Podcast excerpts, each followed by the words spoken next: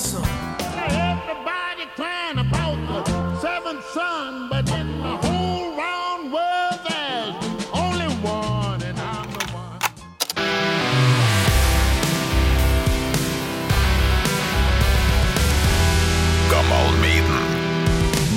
Nå skal du få lære noe nytt om favorittbandet ditt. Det tør jeg å garantere deg, så gjør deg klar. Vi skal se på Maiden og rockebransjen gjennom brillene til en markedsføringsekspert. Så ja, scream for me, Høgskolen Kristiania. Her er Dag Inge Fjell. Gammal Med Torkil Thorsvik. Hjertelig velkommen til Gammal Maiden, Dag Inge Fjell. Takk skal du ha. Det er veldig artig å få møte deg, endelig, for jeg har hørt så mye snakk om deg via andre episoder her. Eh, Jon Noel Grande, f.eks., som oppdaga Maiden gjennom deg. Eh, hvem er Dag Inge Fjell? Ja, jeg eh, er 52 år, eh, så er jeg jo akkurat i den rette alderen med hensyn Oi, til oi, oi. eh, Og etterpå så må du spørre meg når var det mitt første, første møte med Maiden. Og det er fast eh, spørsmål, så det kommer, det kommer. Veldig bra. Og jeg jobber altså da eh, egentlig med tre ting. Jeg foreleser på Høgskolen Kristiania. Markedsføring, reklamestrategi, Ja. mye semiotikk. Ikke sant? Og Ja, hvem er ja. bedre enn uh, Iron Maiden og, og semiotikk, visuell uh, fremtreden? Det her kan bli interessant, da, kjenner jeg. Altså, konseptet Maiden visuelt og, og hele planen til Steve Harris, det må vi jo prate om. Masse. ja. Og så jobber jeg ganske mye med målgruppeanalyser og rådgivning inn mot uh, næringslivet. Mm. Eh, organisasjoner. Jeg jobber som regel via reklamebyråer eller PR-byråer. Er En sånn underleverandør der. Ja. Og så har jeg ganske mange foredrag ut, også da mot eh, næringslivet. Ok. Eh, og ett av dem er jo da med eh, en tidligere gjest av deg, Ronny Littekerød. Ja visst, ja. Og det foredraget kaller vi for rockens underkommuniserte innovasjonshistorie. Langt. Det var nesten like lang som tittelen på den låta du har valgt i dag, som vi skal komme tilbake til.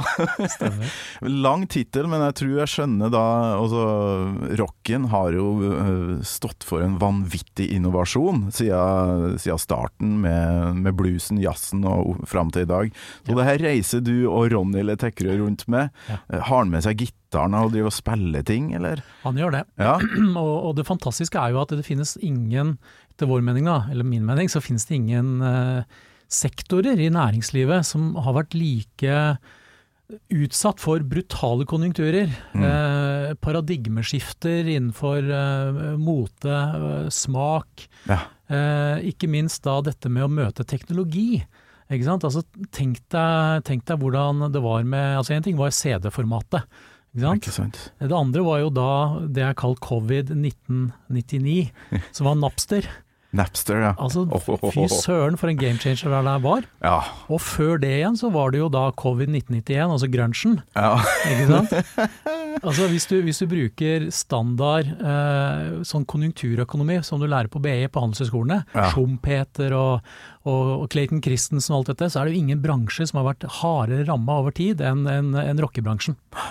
Du er jo noen år yngre enn deg, da, 42, og um, jeg havna jo da midt oppi veldig mye av det her.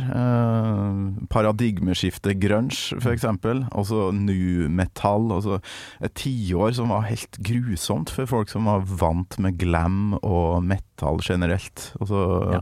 Det var tunge tider, men eh, tunge tider. Steve Harris og co. Altså, de overlevde på mystisk vis. Ja, de gjorde det. Så jeg må si at selve Nevermind-albumet til Nirvana, det liker jeg godt. Jeg, jeg Ja, syns ja, det er et veldig godt album. Jeg syns det var liksom forfriskende.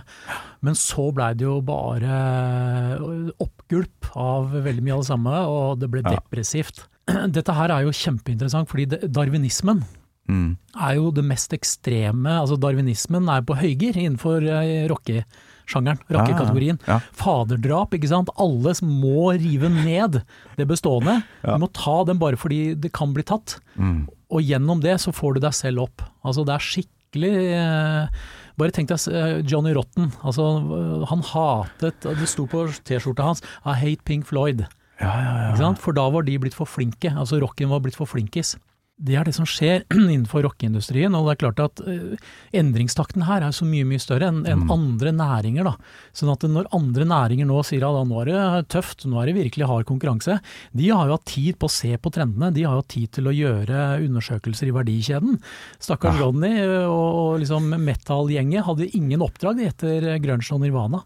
Nei, det, det her er jo utrolig interessant. Jeg kjenner det klør etter å snakke uh, mer om det her, for podkasten Gammal Maiden handler om et band som faktisk nå er ja, nesten større enn de noen gang har vært. Ja. eh, Hvis vi, ja, for nå er det jo nye, en ny verden og nye muligheter å, å markedsføre seg på. er det, og det er klart at I de vanskelige årene her, da, så, så, så holder eh, Steve Harris bandet i gang.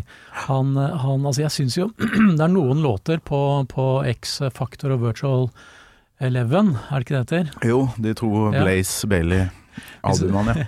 Hvis du hører på lyden, hvis du hører på, på instrumenteringen der, så er det mye bra, altså.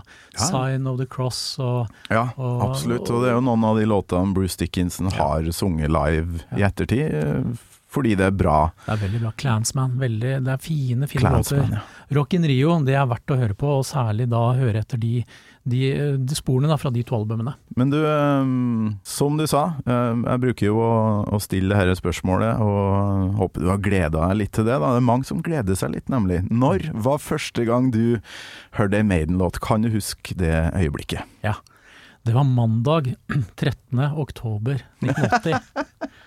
Nå snakker vi Og hva klokka var, husker du det? Jeg husker, det må ha vært sånn åtte-halv ni om kvelden, tenker jeg. Jeg står midt i Drammenshallen, Ja, og så, og så dukker da Iron Maiden opp. Jeg er der for å høre Kiss. ja visst farsken, du var der, ja. Jeg var der. Å, fytti. Og det var jo Jeg hadde jo ikke Altså, noen sa navnet. Jeg hadde ingenting å koble til, jeg hadde ikke hørt noen ting på det. Vi var jo besatt av Kiss. Det var det eneste Ja, som, ja, ja. som gjaldt. Eh, mens Our Maiden, og jeg husker så godt lysluggen David Murray. Altså Jeg husker så godt, ikke sant, jeg ser han der borte på hjørnet. Ja, han husker har jo et ansikt som man gjerne husker litt. Ja. Litt sånn britisk, veldig sånn uh, arbeiderklasse-britisk ansikt. Absolutt. Og, og fra midten i Drammenshallen så, så, så husker jeg da eh, håret. Håret som, som, eh, som han da headbanger okay. i. Ikke sant? Og, så er det Paul Diano, eh, som jeg også husker, som går litt frem og tilbake der. Ja. Men det var den første gangen jeg hørte Iron Maiden. Og det var voldsomt. Og etterpå så måtte vi jo liksom tenke litt Ja, dette var jo bra. Selvsagt var jo Kiss de største, men dæven, eh, dette Are Maiden, det var spennende. ja, hvilken impact får det da? Altså, du er helt blank Helt eh, på Maiden-fronten. Du har ikke sett Eddie før, du aner ikke hva, hvordan logoen deres ser ut engang. Og så står de bare der på scenen. Uh, husker du noen låter? Altså, hva var, hva var den første impacten? Jeg tror jeg må ha lagt merke til Phantom of the Opera Ja, okay. av disse temposkiftene. Ja. Altså, jeg tror det. Ellers, ellers var ikke lydkvaliteten i Drammenshallen den beste. Nei, nei. Det var jo en håndballhall, eh, så det var ikke aller, aller beste. Så jeg kan ikke skryte på meg og, og gjenkjenne noen, noen, noen bestemte rift der. Det, det, er, det er såpass langt tilbake, det er 40 år siden. Men, men jeg mener altså disse temposkiftene er, er noe jeg la merke til. Så du, du står der da og venter på Strutter med, med Kiss og, og folk som står der i susp med nagler på, og Ja. eh, ja, som er et såkalt tegneserieband, som mange, mange har kalt dem, pga. det visuelle og at liksom ja, sell out. Og så kommer Maiden, som egentlig òg har gjort litt det samme, eh, med det visuelle, da. Eh, og, og der står du. Hvor gammel var du da? Jeg var tolv år. Tolv år. det var en tidligere gjest her som sa at uh, når du er tolv år, så du har ikke sjans. Altså, hjernen din er en svamp, og når du, når du opplever ting på det tidspunktet, så er du solgt, da, hvis du, hvis du i hvert fall er, er klar for det. da. Og du var klar for Maiden, da, for du, hva gjorde du etterpå? Du, etterpå så var det jo å Altså, den gangen så kostet jo plater mye penger. Mm. Den gangen så var jo dette noe du måtte planlegge, du måtte budsjettere. Ja. Heldigvis så hadde jeg avisbudjobb, sånn at jeg fikk en fast lønn i måneden. Paperboy, ja. Ikke sant?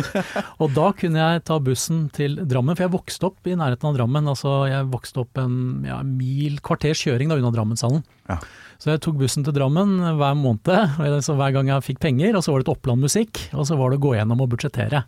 Men jeg må innrømme at det første jeg kjøper av Iron Maiden er Killers-albumet. På, kas ja. på kassett. Det er det første jeg kjøper. Så du venta litt da med å liksom Eller du hadde kanskje ikke penger i, rett etter den her konserten? et eller annet der, altså dette var jo oktober, 13. oktober, så Killers kom vel ut da ganske tidlig i 81, ikke sant? Ja. Eh, et- etter det jeg husker, så da, det var noen greier der. Eh, igjen, det kan være at jeg bommer, altså, men, men hvis jeg bommer så er det fordi Killers gjorde så un, utrolig inntrykk på meg. Ja. Altså Jeg elsker det albumet, og jeg hadde det på kassett og spilte det, jeg tror jeg sleit ut det, det kassettbåndet. Fantastisk album. Ja, det hadde jeg på kassett sjøl, Ja. og det Jeg tror noe av det første For da hadde vi jo hørt en del metall fra før, da. For når jeg var tolv år, så, så hadde det jo skjedd en del. Men eh, jeg husker noe av det første som, eh, som bare klikka for min del, det var Djengis Khan. Ja. Den derre instrumentalen som er bare Ja. eh, Der eh, Clive Burr spiller så fort at du, du tenker at OK, den gjengen her er jo faen meg det beste bandet ever. Ja, det er, det er så bra, vet du. Det er så enormt håndverk. Ja. Jeg tror det var det som slo meg den gangen. At det, altså, har du noensinne hørt noen spille bedre enn dette her?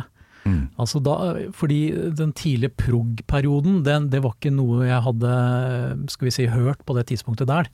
Så det var noe jeg måtte dykke ned i litt seinere. Men dette var det første møtet mitt med, med, med heavy metal som, som var altså så kvalitet. Altså at det var, det var bare mind-blowing. Ja visst. Kiss, uh, kasta du Kiss på bålet, eller? Nei, jeg gjorde ikke det. Jeg var med, jeg. Eh, etterpå så kom jo Kiss ut med The Elder. Ok. Og da var, jo, da var jo Kiss også øh, liksom prøvde å være proggete, da. Prøvde å være litt eksperimentelle. Og jeg var en av de få som likte det albumet. Men det var stadig færre rundt meg altså, som holdt Kiss-fanen høyt. Stadig færre. Jeg, jeg, jeg ga Kiss opp altså, når Animalize-albumet kom, hvor de, hvor de heiv seg på Bon Jovi-soundtracket, Ja. da syns jeg det, dette, dette er ikke kult lenger. Dette, Ah, okay. blir for, dette blir for banalt. Altså Heavens on Fire var en hit, men det var liksom ikke, var ikke en hit på de rette premissene. Jeg forsto ikke Kiss, jeg, for jeg oppdaga Maiden først. Mm. Og så øh, Eller brutter'n hadde jo masse sånne øh, kort med Gene Simmons, og jeg syntes jo han var drittøff å se på. Men det er det er én ting som er så interessant da med denne Drammenshallen-konserten. Mm. Og det var at det var den aller, aller siste konserten som Dennis Stratton var i bandet. Han var med. Ja. Dennis Stratton, ja. Dennis Stratton spilte Yes. i Drammenshallen, og etter den konserten så fikk han fyken. Ja, Ok, rett etterpå. Og, og, eh, og det interessante er jo at eh, Rod eh, Smallwood, som var liksom øksemannen, da, Ja, ja. Han, han hadde da ikke sant, poengtert at, eh, at, eh, at Dennis Stratton hadde brukt for mye tid sammen med Kiss-gutta på den europaturneen. At han sitter for mye sammen med dem. Han har brukt for mye tid i biler og vaner med Kiss-folka, enten okay. det er Kiss-crewet. Og det er masse bilder på nettet med Dennis Stratton og Gene Simmons og Dennis Stratton og Paul Stanley. Så han var liksom ikke tight i bandet, og så hørte han på en litt annen type musikk også. Mm. Men, men jeg tror jo at eh, egentlig så ville Steve Harris ha han ut, og har planlagt dette over lang tid. Eh, ville ha inn Adrian Smith, ikke sant, som jo var en eh, gammel bekjent av Dave Murray. Mm. Men det er alltid Rod da, som er den store komplottbyggeren. altså han er den som tar øksa, og da har han bygd opp en god story rundt det. Som, som fremstår han. Ja. Det, det er beinhardt, da. Å Beinhardt. være med i band, altså, når du Ja. er på det viset der. Og så var det sånn at jeg, var, jeg dro til London, eh, O2-arenaen, for å se Maiden i 2013. Mm. Og da dro jeg tidlig ut der, for jeg har ikke vært ute på O2-arenaen før det.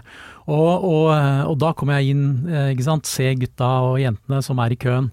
Og jeg går foran der og begynner å prate litt med dem, og så nevner jeg da at jeg var sett de, sant, i Drammenshallen, og da er de veldig på high five og dette er stort og greier. For de er også klar over at det var siste gigen til Dennis Stratton. Det var det, ja! Wow! Så vi ble som brorskap av Arm Maiden-nerder, ikke sant. Åh, det er jo det beste med å være Maiden-fan, når det, de tingene der skjer. Når du møter totalt ukjente folk, og, så, og så finner man et eller annet felles.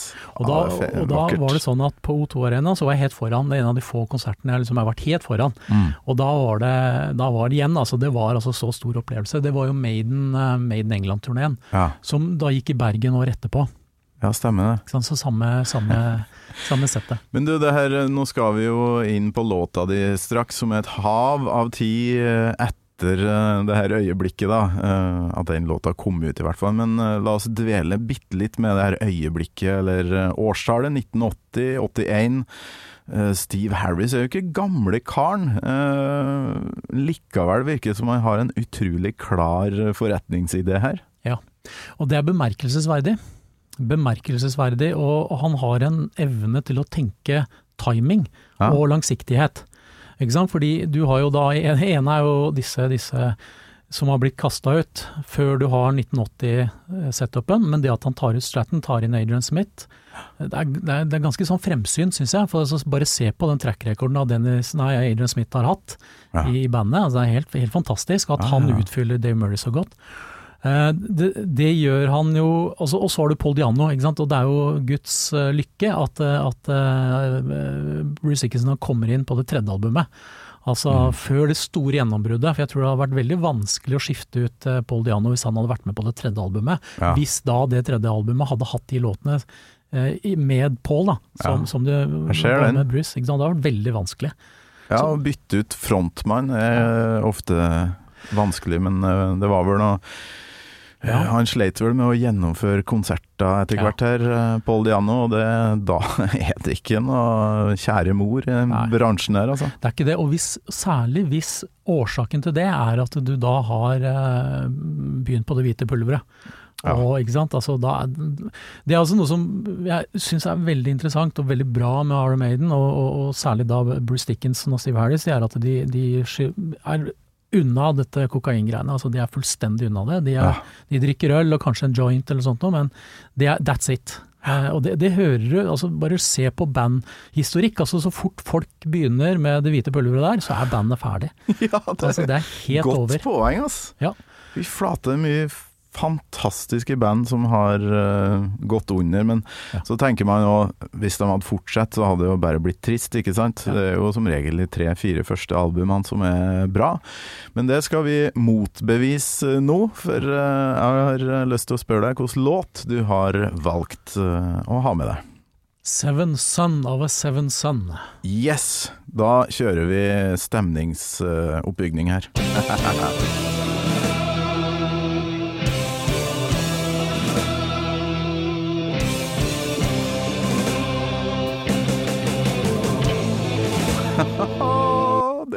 ingen tvil om at her skal det skje noe stort. Det er en eh, svær oppbygning.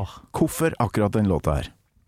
Jeg husker jo når den kom, så var det sånn at jeg tenkte du verden, har de nok en gang greid å levere et, et fantastisk album. Ja. Nok en gang. Og så syns jeg de utviklet seg på en, på en veldig veldig god måte. Altså de, de brakte inn noen lydelementer og noen pompøshet her som, som jeg aldri hadde hørt før.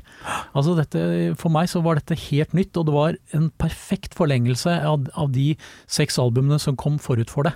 Ja. Um, og, og, og denne, jeg syns også denne låten er en videreføring av Rhyme of the Ancient Mariner. Oh yeah. Ikke sant? Men, det er men et på, parti midt i der med noe diktlesing. og der er det attentatgitarer. Ja. Ikke sant? Og ja, du ser for deg sånn Munkeorden, og du ser for deg Rosenes navn av Umberto Eco. Eh, I ettertid så ser du litt sånn, eh, hva heter den der eh, Kubrick-filmen eh, eh, hvor de er inne i disse slottene. Eh, Ja, den derre Ice Wide Shut. ja, ikke sant? Det er litt Ja, sånn Nice ja, White ja. Shut-greier der Ja også. visst, farsken. Altså, du, det- vi må høre litt på denne diktlesninga her, eller hva det nå er han eh, leser opp. Today is born the seventh one, born of woman the seventh son, and he in turn of a seventh. Ja, det er mystisk. Eh, Husker du den, den niende porten òg? med, med Det er Roman Polanski-film, med Ah. Johnny Depp.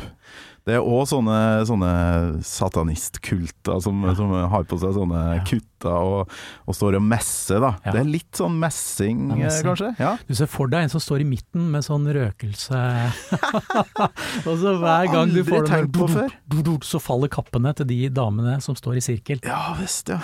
Du, det er jo helt nydelig eh, tenkt, eh, og god stemning. Altså, Seven Son. Summer in Time har det den òg, men Seventh Son, den stemninga, lyden, lydbildet Vet ikke om det er Martin Birch som er genial igjen, men, men eh, det jeg syns keyboard og synt, som mange syns er, er feil med Maiden, eh, det er bare detter på plass her. Jeg syns det er veldig deilig. Det er gjort på en veldig god måte. Eh, og det er jo sånn at På Summer in Time så er det, så er det sånne synt-gitarer. Altså at, Ja. at gitarene går gjennom synt-forvrengning eller forsterkning. Men der, der var vi såpass teknisk vanskelig å holde på med. Mm. Eh, med så mye kabling og, og alt mulig, og, og muligheten for feil var også veldig til stede. Så de bare Nei, vi går rett på synten. Ja. Vi går på den. Vi, og, og jeg husker at i 1988, da, så er det sånn at det er jo Bon Jovi-æraen. Det var jo hair metal-greiene. Ja, ja. Ikke sant? Sånn at Det er vel det året etter uh, Hysteria òg, som kom Ja. uh, 87. Og så 87, kommer ja. Seventh Son året etter det igjen. Så, så Maiden er jo edruelig, og, og de får altså syntdelen til å passe inn i dette lydbildet eh, på, en, på en veldig god måte. Mm. Eh, noen år før det så har jo Rush også lagd et par album hvor synten er helt, helt eh, center stage. Men jeg syns Maiden gjør det balansert og fint, eh, og, og det gir et helt unikt lydbilde. Ja, det er helt uh, nydelig. Og så har jeg lest at de, eh, de var jo ikke noen keyboardister, noen av dem. De sto med én finger og spilte Ja. på, på synten. Adrian Smith ofte, og av og til Steve Harris. Spørs hvem som hadde fingeren ledig, rett og slett. Ja, du skal, ikke, du skal ikke gjøre noe veldig nummer ut av det, du skal bare skape en stemning, dette overbygget. Ja. Og det syns jeg de så til de grader gjør, gjør riktig her. Og så på live så er det jo det Greven, som han kalles, The Count. Ja, som Bassteknikeren står til Steve bak, Harris. bak, gjør han ikke det? Han er ikke synlig. Ja, du må, du, må, du må virkelig se, for han står oppe i hjørnet, og så har han på seg sånn derre munkehette. Ja, Ice Wide Shut-hette. Sikkert kliss naken under der, vet du. Men eh, det er et annet Jeg leste nylig om, eh, om det her tidspunktet i eh, Maiden-historia. Godt mulig at Steve Harris er enda mer genial enn vi tror, for Bruce Dickinson var jo litt sånn Er jeg bare vokalisten? Er jeg bare han derre sangeren i bandet? Skal ikke jeg få være med og skrive låter lenger? For på Summer in Time så ble det jo ikke noe, noe Bruce-låter. Og visstnok så er det én telefon fra Steve Harris til Bruce Dickinson uh, som kanskje redda litt stemninga og kjemien i bandet, der han sier du, jeg har en idé. Eh, jeg har lest litt rundt det der, Den sjuende sønn, av er sånn folklore-sak. Eh, kan ikke vi lage et konseptalbum, og så må du Har du noen låter, ikke sant? Og det er bare sånn Å, jeg er med igjen, på et vis, da. Ja. Og, og dermed så lager jeg det her fantastiske albumet. Tror du Er han så genial at han merker at uh, her er det noen gnisninger, nå må jeg faktisk ta den ene telefonsamtalen der? Ja, det er, flere, det er flere interessante delhistorier i den, den historien. fordi det var jo sånn at eh, etter Powerslave-turneen så, så var de helt utslitt, og særlig Bruce. Ja, ja. Eh, Og, og når han da heller ikke får noen napp på de ideene han har, da, som, som kommer ikke med på Summer in Time, så er det en bragd at, at Bruce da bare finner seg noe annet å holde på med, altså fekting. Ikke sant? Går dypt inn i det. Ja, ja, ja. Og, og holder uh, rett og slett rette oppmerksomheten et annet sted. Men så kommer han jo da tilbake, og foranledningen er jo at det er en synsk dame som døde. Og så driver Steve Harris og lurer på om, om hun var i stand til å se, forutse sin egen død. Ikke sant? Og driver, Ah. driver og, og spekulerer i det. Ah. Litt sånn åndens maktdame. Okay. Ikke sant? Og så, og så er det da Deretter denne samtalen med, med, med Bruce, ikke sant. Seven Son of a Seven Son blir også en klarsynt eh, person. ja, ja, ja. Og da, da begynner jo Bruce Dickinson å, å koble, koble masse. Eh, fordi både Steve Harris og Bruce Dickinson er veldig beleste gutter. Sånn, De er veldig Tydeligvis. beleste. Veldig. Og, og de er så beleste at, at hvis du leser biografien til Bruce Dickinson, så er han jo veldig, veldig eh, Han skriver ganske mye om at han var en ensom gutt i oppveksten. Mm. Ensom gutt under studietiden. ja. Han tilbrakte tiden sin på bibliotekene. Så han sier at det som fikk han gjennom ungdommen, det var biblioteker og onani. Ja, jeg må si eh, da er jeg og Bruce Dickinson soulmates. Eh, Jeg kjenner meg ganske igjen Og det er de, det er de folka som blir entreprenører. Det er de folka som blir, som blir businessfolk eller rockestjerner. Fordi de har så mye oppdemmet uh, utilfredshet da, ja, ja, ja. som de skal cashe inn på et seinere tidspunkt, og de må bygge opp porteføljen. Jøss. Ja, det, det, veldig fint blikk på det hele, det her, altså. Eh, vi, eh, vi må høre litt på refrenget her. Det her er jo eh, en bragd, syns jeg, av Bruce Dickinson. Vi kan ikke høre så mye, men han gjentar jo 'Seventh Son of a Seventh Son' i eininga, og det er ganske tungt å synge det, tror jeg. Vi må høre på. Seven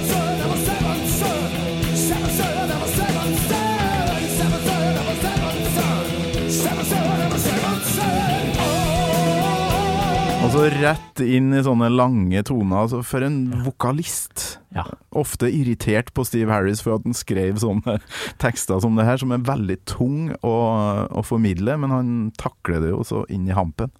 Ja, og du kan jo, la oss si at Iron Maiden holder seg friske, da, så kan du jo se for deg at de ender opp på å spille på Operaen eh, om eh, ti års tid. Oh yeah. Det er Altså, jeg- masse Jeg bare tenker på eh, Ja, du, du sendte meg en melding eh, her om dagen om at du, du hører en del på den derre reincarnation of Benjamin Brigg eh, litt om dagen, og da tenkte jeg faen, da må jeg høre på den jeg òg.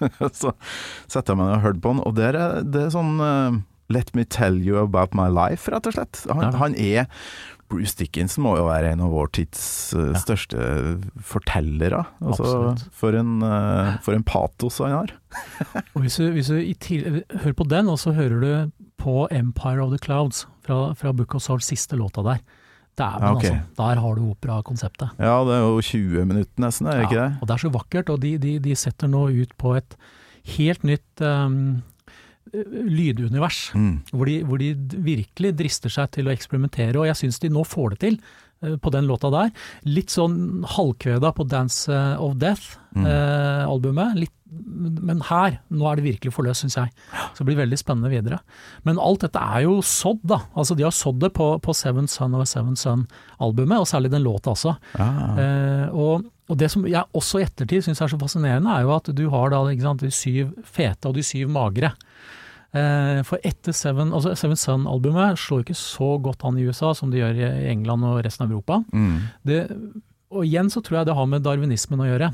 Altså hvem er det som virkelig ligger og hater og skal ha noe nytt der? Jo det er Metallica, Slayer, Ja. trash metal, ikke sant. Ja, ja, ja. Speed, hva, hva, hva du enn kaller det. Altså, det er etter, California mot uh, Storbritannia, rett og Ja. slett.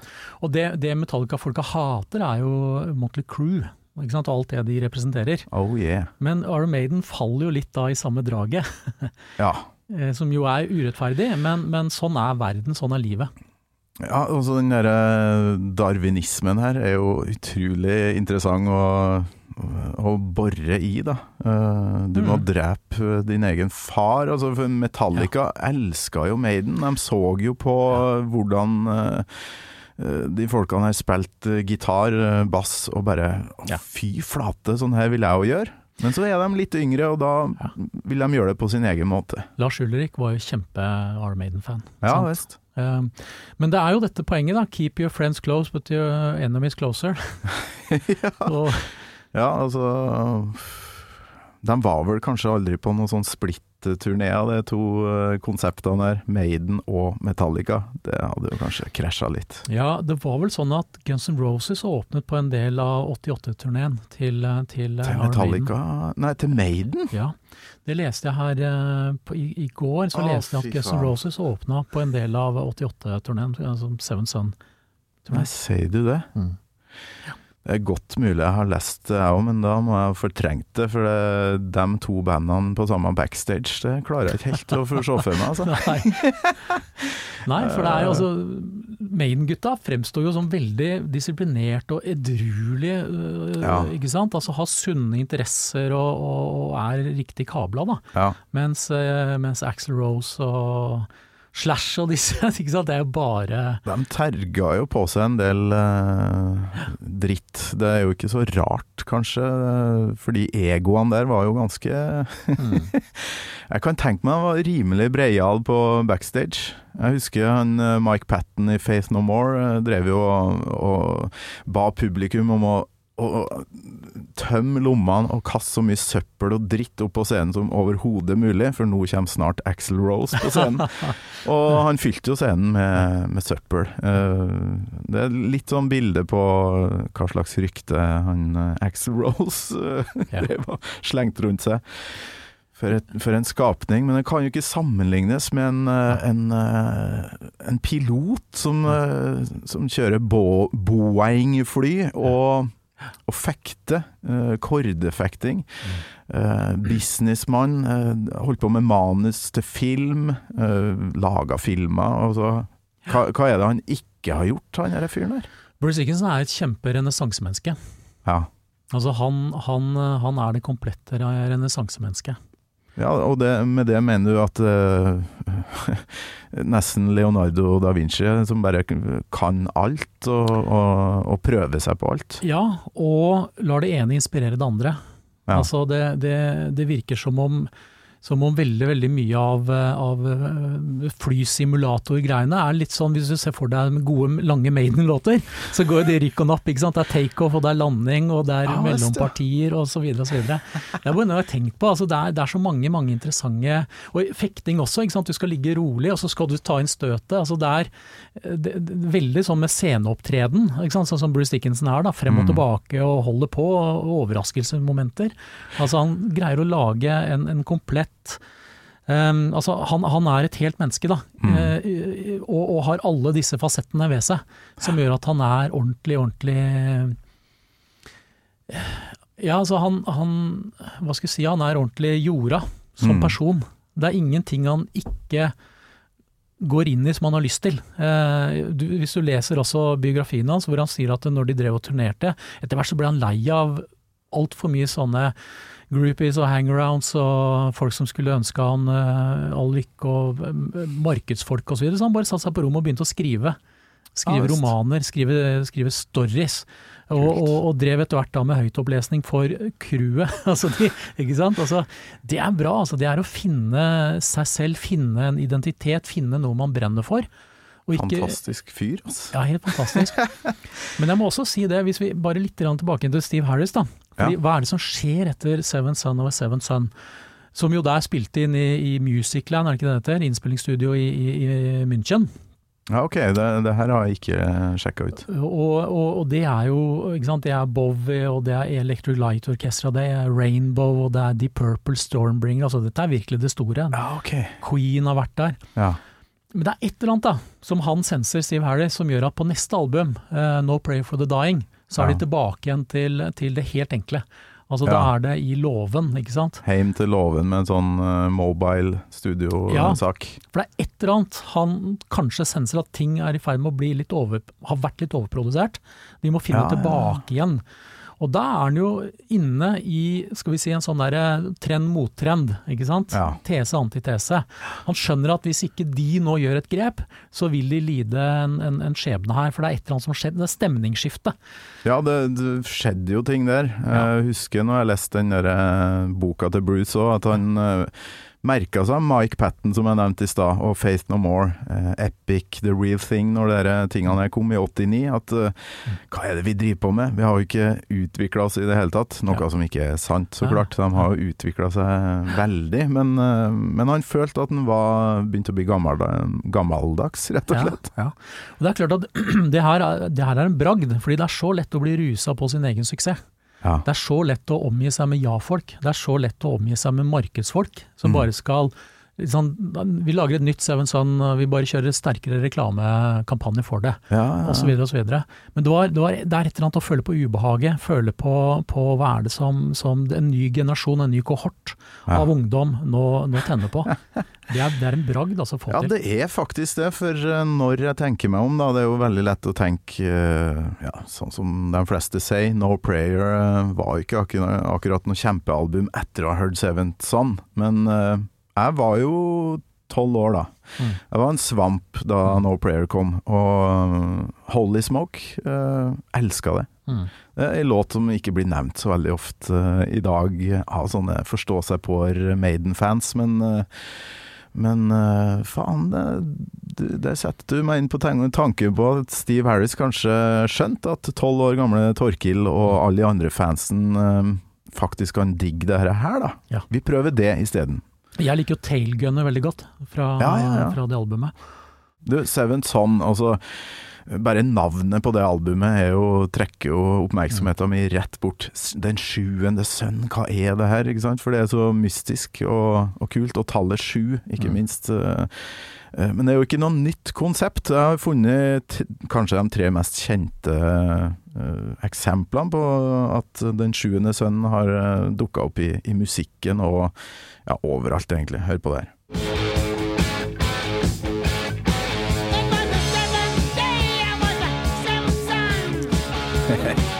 Bon Scott. Ja. Mother told me I was a clever one. The the seventh son of a seventh son. It all ended so happily. I settled down with a family.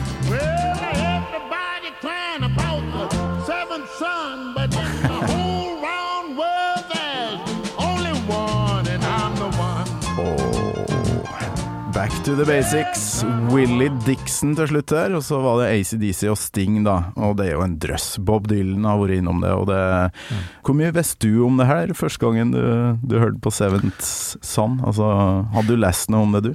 Nei, ikke den gangen. Jeg, jeg tenkte litt sånn syvende far i huset, Ja, ja, ja. Eh, Vi har den jo ja.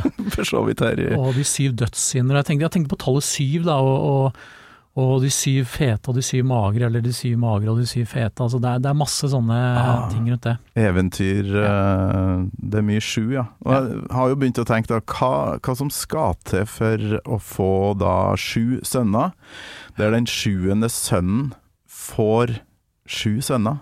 Ja. Eh, og da den, eh, den siste, da. Det skal ikke være noe dødfødte innimellom her, og det skal ikke være jenter imellom de her brødrene. Og den sjuende skal da bli klarsynt, ha eh, helbredende krefter og eh, Jeg lurer på om det noen gang har skjedd. Eh, Altså, I virkelig gamle dager så var det jo Jeg hadde en onkel som vel fikk syv døtre. Ah, såpass, ja. Og han, han skal vi si, han, han ga seg da, for han skulle ha en odelssønn. ikke sant?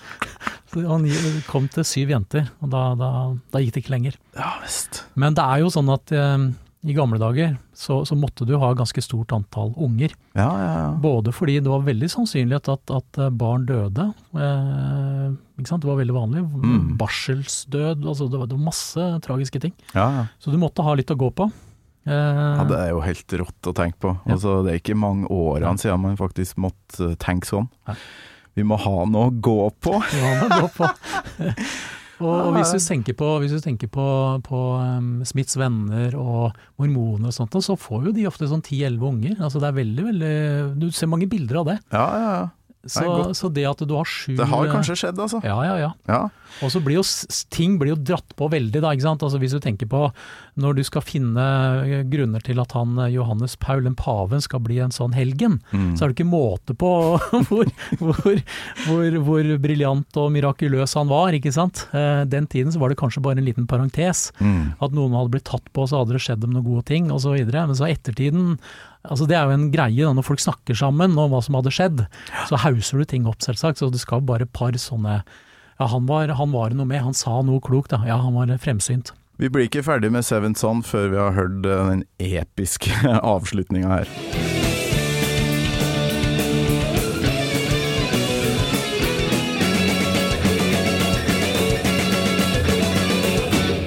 Ja. Åh, det er sånn, Det er magisk. Det er endelig slutt. Og så starter Ja. The Prophecy, da. Ja.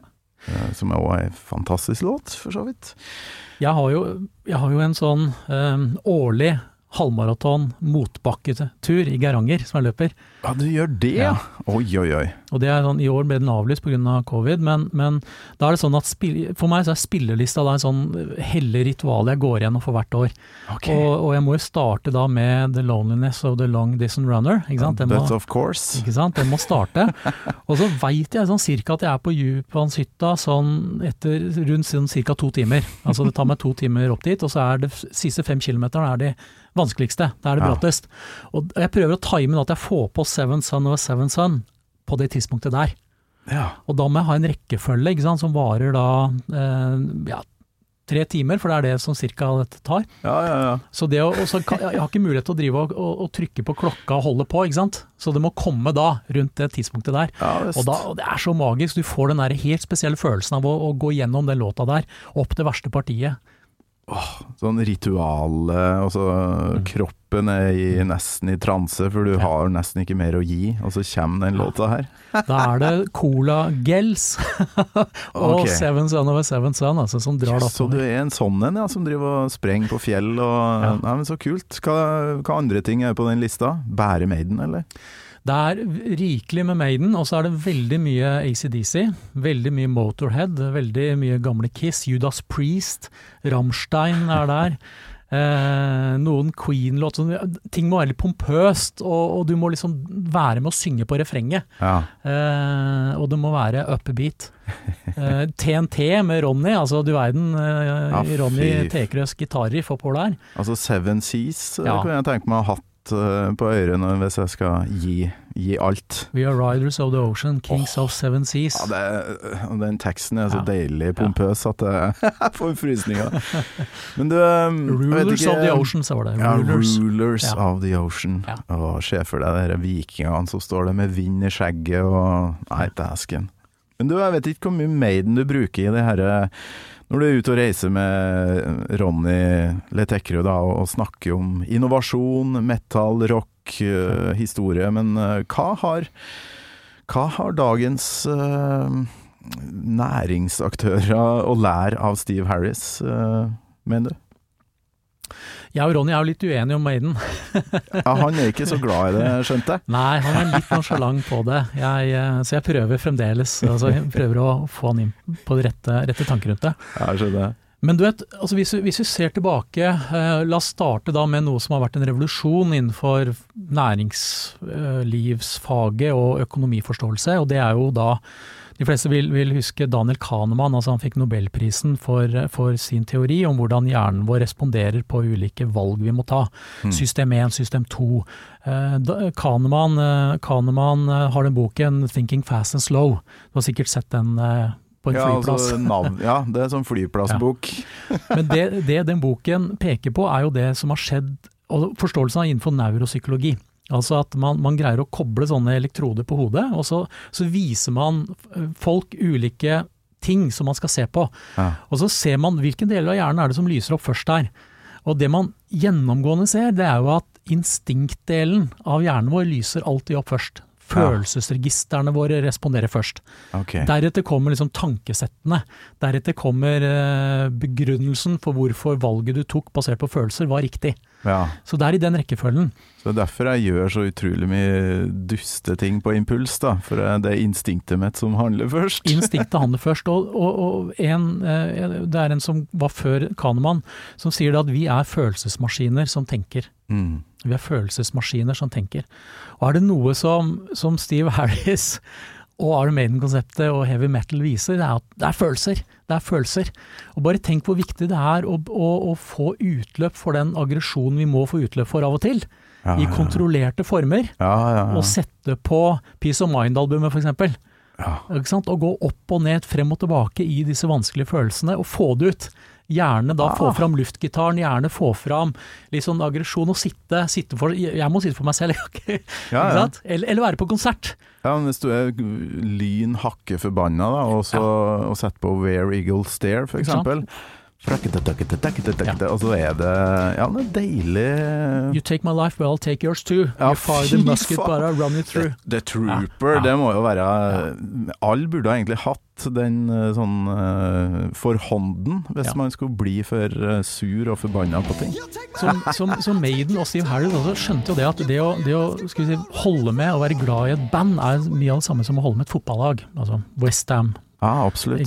Og, og, og det har med følelser å gjøre, at vi må få bli følelsesmessig tilfredsstilt i de valgene vi gjør, i de tingene vi holder med. Mm. Så grunnen til at vi er så glad i, for min del, jeg er besatt av, av, Bob Dylan, Beatles og Iron Maiden, for aldri nok. Altså det, er, eh, det, er- det er følelsesmessig, det er, det, er, det er samlerinstinktet. Så næringslivet har jo blitt flinkere og flinkere til å ta inn over seg at det er ikke bare kalkulasjoner og economic man som gjelder. Det er altså da en sånn stammetilhørighet som må tilfredsstilles Ja. for at et, et produkt skal bli tenkt på på en god måte, og som er, som er profitabel for en, en produsent. Så dersom en produsent ikke tar inn over seg at du må utløse følelser, du må virkelig få en stammetilhørighet, så har du ikke et, et godt forretningskonsept i det lange løp. Og, og de, den koden knakk altså Steve Harris i 76-77. Ja. Men hvordan eh, eh, Hvor kommer Eddie og Derek Riggs, og det, som jeg må nevne, inn i bildet her? For, eh, for veldig mange så er nok det som er det første møtet med Maiden, ikke en konsert med Paul Diano på scenen. Og la meg, la, meg, la meg mm, fortelle da først en historie om min niese på 13. som, som nå har begynt på ungdomsskole. Men hun gikk på, på barneskole før det, og hadde da selvsagt uh, Iron Maiden eh, Number of the Beast T-skjorte. Ja, ok. Eh, og, og hun oppdaget da at eh, det var mattelæreren som ga henne kred og wow, det er du, er du Iron Maiden-fan, du verden, dette var bra. Når hun da kommer på ungdomsskolen, så er det også en mattelærer som gir kred. Veldig ofte mattelæreren, da. Ja, Nei, så kult! det er veldig kult, og det er hennes observasjon, da, det er at eh, de, de brainy, altså naturfagfolka, det er, eh, det er Iron Maiden-fans. Har jo hatt en historiker innafor her. Ja, vi har hatt det. eh, Eidsvoll eh, eh, 1814-direktøren. Men, men det er et eller annet med? I dag så er, det, så er det sånn at de folka som på 70- 80-tallet ville satt seg ned med en gitar og lært seg å spille gitar, de sitter ofte i dag og programmerer. Mm. De, de, de sitter og lager kode. De Ja, sitter og, og sant? Gjør, gjør sånne ting. Og de i dag hører på Iron Maiden, de hører på, på tungrock. Ja. De, de hører på det.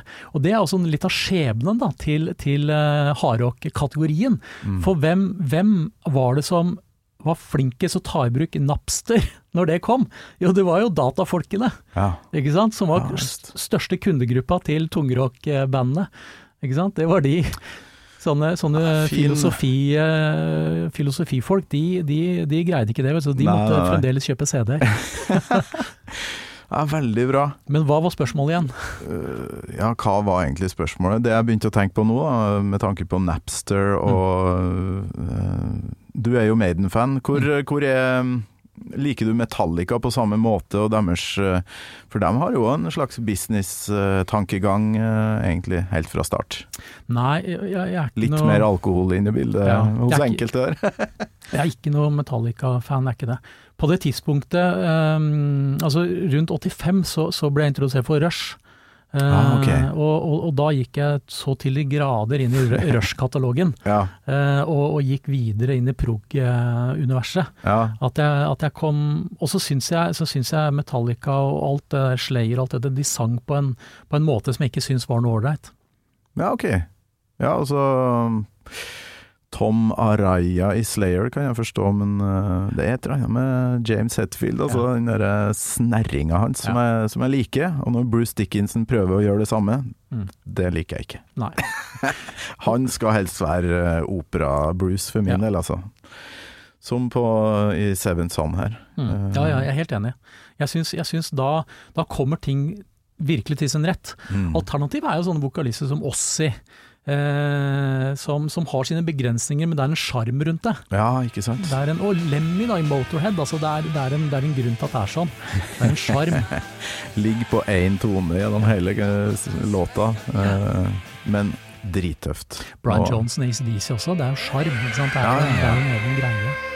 Ja visst, ja visst. Du, det her har jo vært utrolig interessant. Jeg lurer på om du må komme tilbake altså, og snakke mer om det her, for eh, vi kunne holdt på veldig lenge. Eh, Men eh, det var veldig artig å få møte deg endelig. Mange som har snakka om det. Du, du var jo grunnen til at min tidligere gjest Jono El Grande begynte å høre på Maiden. Hvordan får du folk Hvilken impact er det du har på folk, egentlig?